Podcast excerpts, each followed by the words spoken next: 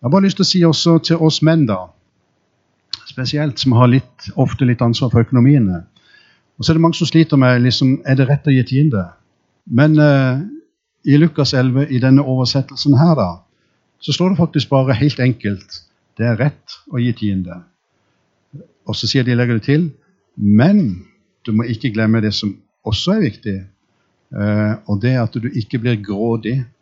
For det at uh, hvis du ikke gir tiende, så lusker det seg inn en tanke av grådighet. Jeg vil heller, ha, jeg vil heller eie noe sjøl enn å gi det fra. Men det er kjempevelsignelser med å være villig til å gi.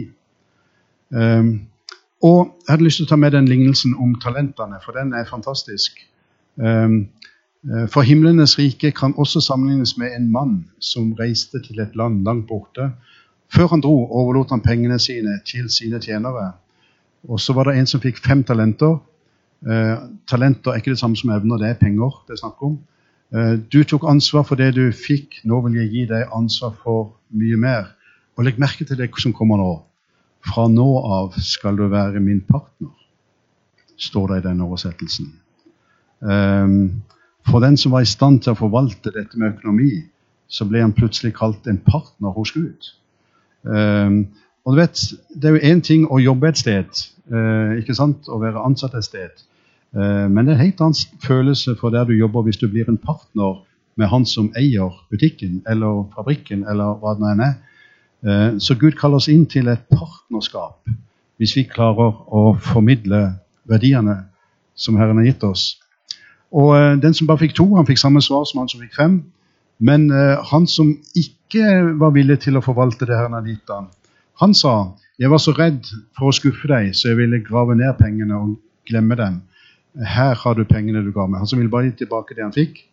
Ehm, men da ble mannen rasende. Du onde og dårlige tjener. Dette er latskap og ansvarsløshet. Du visste at jeg hater sløsing, så du kunne i det minste satt pengene i banken. Og Det er en kjempealvorlig sak, ehm, den historien der. Så det er lett liksom bare å hoppe over og tenke liksom, ja, men eh, det gjelder ikke meg, liksom. Men Herren har gitt deg noen eh, penger å forvalte. Og jeg tror, jeg må bare si ærlig, at eh, noe er Hvis jeg gruer meg til noe i himmelen eh, det, det, skal en jo ikke gjøre da.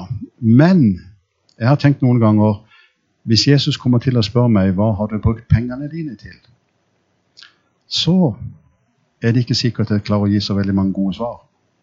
Eh, kanskje noen svar, men uh, i forhold til all den nøden som er rundt oss, uh, så tror jeg Herren har gitt oss Vi er i hvert fall i den kategorien at vi ligger øverst her på fem talenter. Herren har gitt oss vanvittig mye rikdom i, i dette landet. Uh, og så er spørsmålet hvordan klarer vi å forvalte det? Hvordan klarer vi å være med? eller bare graver vi det ned i vår egen egoisme? For oss menn det er litt fristelser Eh, har har hørt deg sagt, du skal ikke ha sex utenfor ekteskapet. Men jeg sier dere, dersom den som ser på en kvinne og ønsker å ha sex med henne, har allerede syndet mot henne i sitt eget hjerte.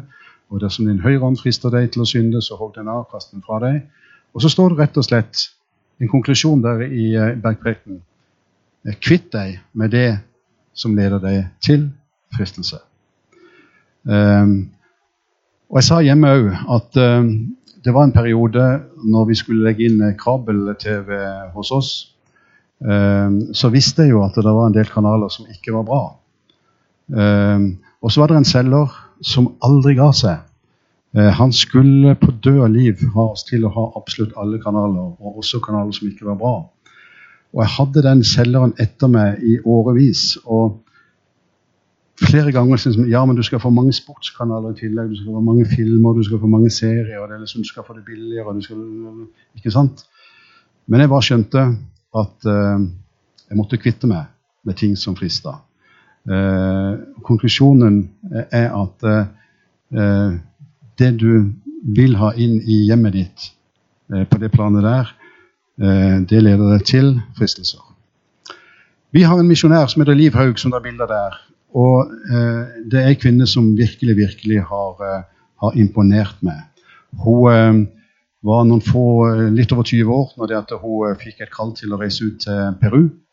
Eh, og så har hun vært der i 45 år, tror jeg det er nå. Og vi har vært ute to ganger og, og besøkt henne. Og det er jo ikke alle som blir kalt til misjonær. Og jeg var jo livredd når jeg var liksom sånn eh, 10-12-14-15 år om at Herren skulle kalle meg til Afrika.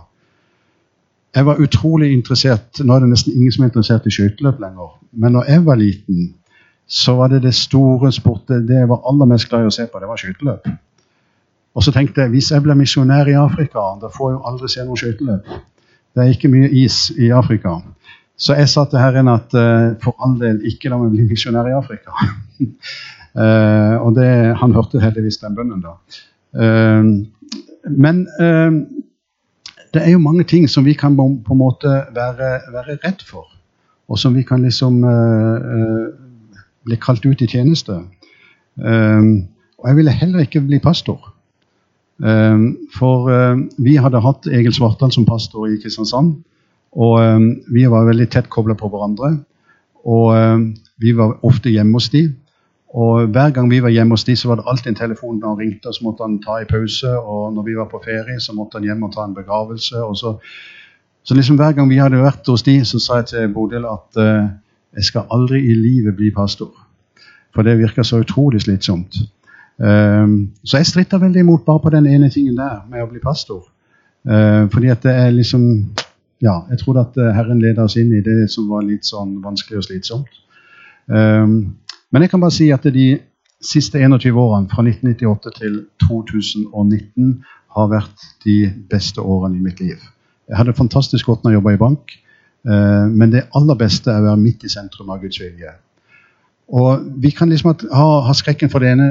Eh, jeg tok et avgjort eh, spørs, valg om å bli en kristen da jeg var 14 år, og døpte meg i Philadelphia.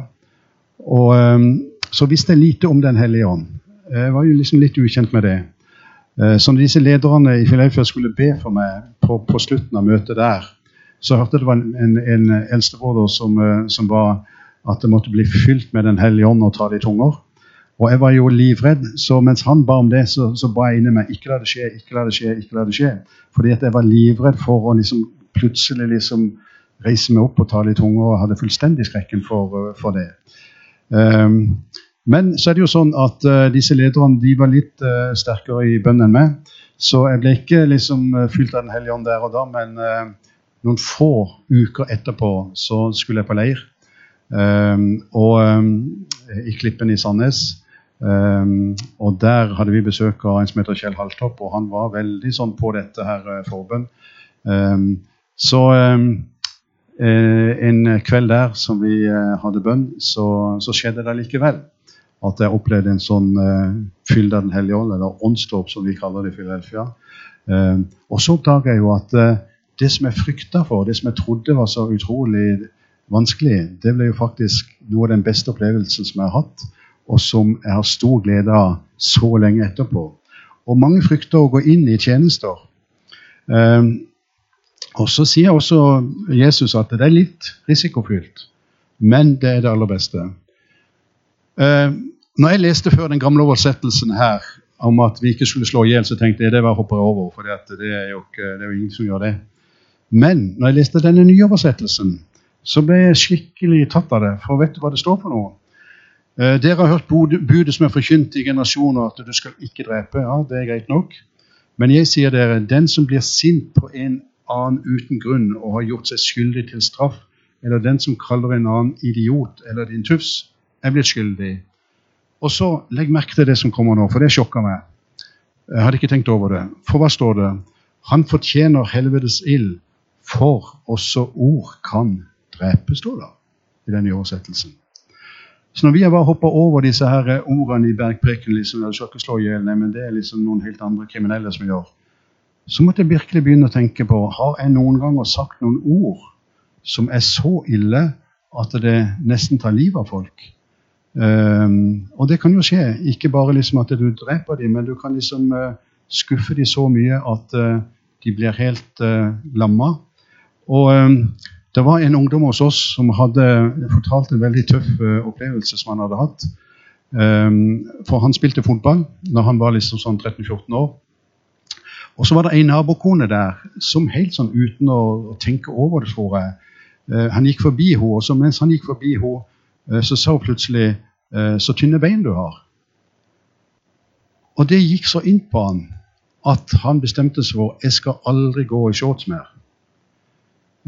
Og det bandt han selv når han spilte fotball. Han spilte alltid i langbukser eller treningstøy eller noe sånt. Eh, og så ble han eh, Dette her var før han begynte i Philadelphia, men som ungdom så begynte han i Philadelphia. Og eh, dette lå så dypt at han hadde gått i mange mange, mange, mange år og latt disse få ordene om at han hadde tynne bein, eh, være så ille at han ikke vågde å vise seg i shorts. Så skulle vår eh, menighet eller ungdommene de skulle på en sånn evangel evangeliseringstur til eh, Amsterdam. En hel gjeng. De var over 100 stykker. Um, og i en av, disse, eh, en av disse dagene her så skulle de spille fotball i en pause der. Og så hadde han bestemt seg at uh, nå skal jeg bryte den der forbannelsen som har ligget over meg i sikkert i åtte-ti uh, år. Så han hadde bestemt seg på forhånd at uh, han skulle kle på seg noen shorts og, og langbukse over. Og før de skulle begynne å spille denne kampen, Eh, så samla han alle sammen og så sa han, i dag skal jeg bryte en forbannelse som har vært over livet mitt eh, helt siden jeg var tolv år. Eller. Og så eh, forteller han hatt sin historie, og så eh, tar han altså langbuksene og så har han shorts under. Og så sier han nå skal jeg for første gang spille fotball i shorts på alle de årene der. Fordi at det Jesus sier at også ord kan faktisk være så ille at de drepte liksom hele lysten til denne gutten om å spille fotball. Eh, og det har gjort at når jeg leste disse her, eh, ordene her, at eh, du verden eh, hvor eh, viktig det er at vi liksom går inn i Guds ord. At vi får tak i det som virkelig står der. Eh, både som foreldre, som, som jeg sa tidligere, og ikke minst sånn generelt. Og Vi skal ta med oss et par til, og så skal jeg snart slutte. ikke del alt med alle fremdeles i bergpreken ikke del det som er hellig for deg, med hvem som helst. Folk kan komme til å tråkke på det. Det er som å gi noe hellig til hunder. Det, dere vet det finnes mennesker som vil latterliggjøre det dere står for. Og Jeg ble latterliggjort i fjerde klasse, for da hadde vi om uh, evolusjonsteorien. Og vi hadde en uh, lærer som definitivt ikke trodde på, på skapelsen. Uh, og så var det nesten sånn, sånn hånlig flir, og så spurte han i klassen der jeg var i fjerde klasse. Det er vel ingen her som tror at Gud skapte jorda. Og jeg var den eneste i klassen som rakk opp hånda. Og du vet, det er jo Det var ikke så lett etterpå liksom å bli ledd ut, for liksom, er du helt tullete? Liksom, tror du virkelig på det? Uh, og i dag så er det nesten enda verre på alle disse planene her. I dag begynner han å tvile på om det egentlig er en himmel, det er egentlig en helvete. I dag er det så mange ting som på en måte blir tatt vekk. Um, og det er ikke alltid det er like lurt å dele det med hvem som helst det du tror på. Jeg tror det fins uh, tider hvor du absolutt må reise deg og, og si ifra. Og virkelig bekjenne det du tror på. Men så sier Jesus faktisk at det ikke er sånn unødvendig at du bare slenger det ut i alle bauger og kanter. Eh, for det går an å, å, å nesten få en, en, en, motstand som du ikke nødvendigvis trenger. Jeg tror mange ganger det er lettere å på en måte begynne på et litt annet eh, nivå. Og um, um, I og med at jeg jobber i Philadelphia, og når en får liksom møte nye folk, så er jo nesten det første spørsmålet liksom, hva driver du på med? Uh, og jeg kunne jo bare sagt ja, jeg er pastor i Philadelphia. Men du vet, da er det jo nesten de fleste får sjokk, og så, og så begynner de å snakke om noe annet. Så istedenfor å gå rett på, så har jeg nå begynt å si at uh, jeg jobber i Q42. Ja, og så er det noen som ikke har peiling på hva som foregår der. Og så kan jeg begynne å si ja, men vi driver litt med hotell, og så driver jeg litt med å leie ut noen lokaler, og så driver jeg litt med restaurant. Og så merker jeg bare det at uh, når du begynner litt lavere ned, så begynner folk liksom Den ene naboen jeg hadde, eh, begynte plutselig å si Jeg har, jeg har eh, sønnen min på Solkollen barnehage, som vi som Philadelphia dreiv. Og plutselig så får du en samtale. Ja, Så kunne jeg begynne å spørre liksom, hvordan, hvordan opplever han det, hvordan opplever du det? Og så er du plutselig inne på en samtale som gjør at du kan gå litt videre, istedenfor at jeg bare hadde sagt litt som ja, eh, halleluja, jeg er pastor i. Eh, da, da rømmer jo noen med i gang og latterliggjør. Veien til livet er ferdig på øyeblikket. For den brede veien som de fleste går på, fører til fortapelsen. Og det er altfor mange som velger den. Skal du finne den virkelige livet, må du gå gjennom vanskeligheter og utfordringer. Men få er de som finner den og velger den riktige veien. Og Det er jo noe av det litt alvorlige med å leve som kristen, at det er ikke den letteste veien. Eh, men legg merke til at det er da du finner livet. Det er der du virkelig finner det gode i livet, når du velger den veien der.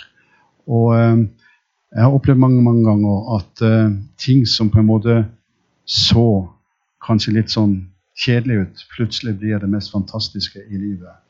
Det å få lov til å være sammen med mennesker som virkelig har opplevd Gud, det å få lov til å oppleve å se mennesker som blir helbreda, se mennesker som blir løst og satt i frihet, er fantastisk. Vi hadde en på omsorgssenteret vårt eh, for russomsorg som hadde levd i, eh, i, ja, i all slags elendighet i sikkert i 20 år. Og det er jo ille å se på sånne folk. Og det er jo nesten sånn du har lyst til å bare liksom snu deg vekk og holde på med noe annet. For du bare skjønner at det er en utrolig lang vei. Denne gutten opplevde noe som var bare helt ufattelig sterkt. altså. etter en liten stund så skulle vi be for han. Og så opplever han virkelig at Gud rører så dypt med han. Så sier han det at plutselig mens vi ba, sa han, så var det akkurat som jeg kjente en sånn varm stråle som gikk liksom gjennom hele kroppen min og nesten skanna livet mitt. Uh, og det holdt på i to timer mens vi var. Og han sa at det var helt utrolig merkelig. Liksom, alle disse minnene jeg hadde av dårlige ting uh, i disse 20 årene, det ble liksom tatt ut den ene etter den andre. Og denne, denne varme bølgen, sa han, den gikk bare opp og ned, opp og ned, opp og ned i to timer. Og det å møte denne mannen etterpå disse to timene, er ingenting som, kan, som jeg kan liksom tenke at det er mer sterkt å møte enn folk som virkelig opplever Gud. Og, så utrolig spennende. Eh, og det trenger ikke være så dramatisk som dette. Men jeg har vært med i så mange ting som gjør at eh, jeg tenker takk og lov at jeg får lov til å være med på det. Har funnet det virkelige livet. Eh, tre ganger har jeg fått lov til å oppleve at folk som hadde bestemt seg for å ta livet sitt, allikevel ikke tok livet sitt og de ble redda ut på en finurlig, rar måte. Så vil du ha spenning i livet. Da skal du søke Gud. Da skal du leve tett ved Han. For Han leder inn i mange fantastiske ting, og det er det virkelige gode livet. Og så til oss Jeg tror jeg skal slutte med det. Uh, nei, jeg skal ta ett til, så skal jeg slutte. Um, den som tar initiativ på denne farsdagen, um, så er det spørsmål Er vi menn eller ektefelle virkelig de som ber, de som leter, de som tar initiativ? Eller er vi det ikke? Og jeg tror faktisk det at jeg kan si at på en sånn dag som i dag, så ligger det et spesielt ansvar for oss menn i å være den som leder an i å søke familien på en best mulig måte. Um, og jeg har hatt mange sterke opplevelser av dette.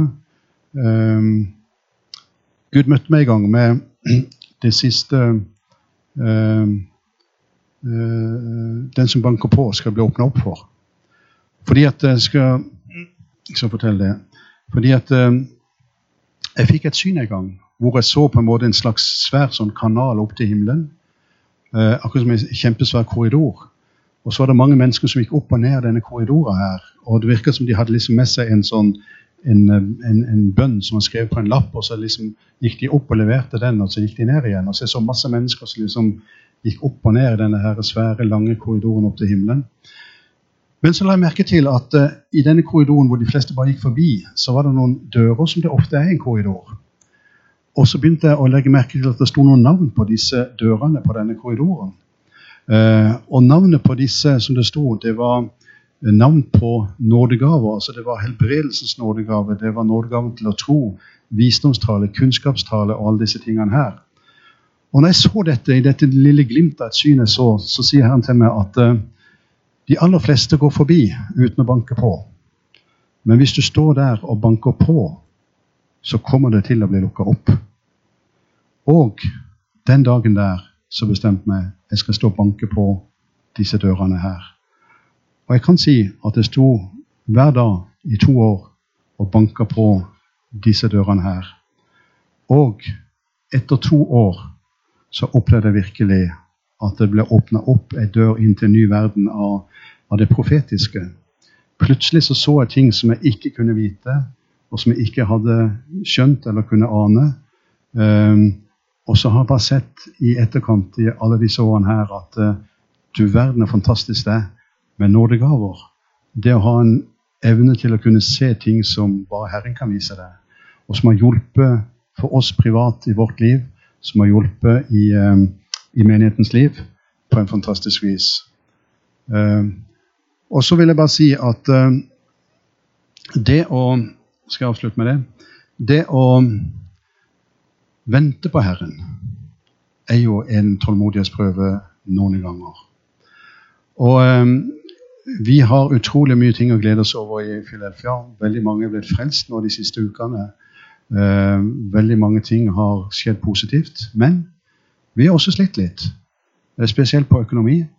Eh, det er et svært bygg vi har, og det er mange ting som eh, har skjedd som gjør at det har vært vanskelig få økonomien til å, å gå rundt.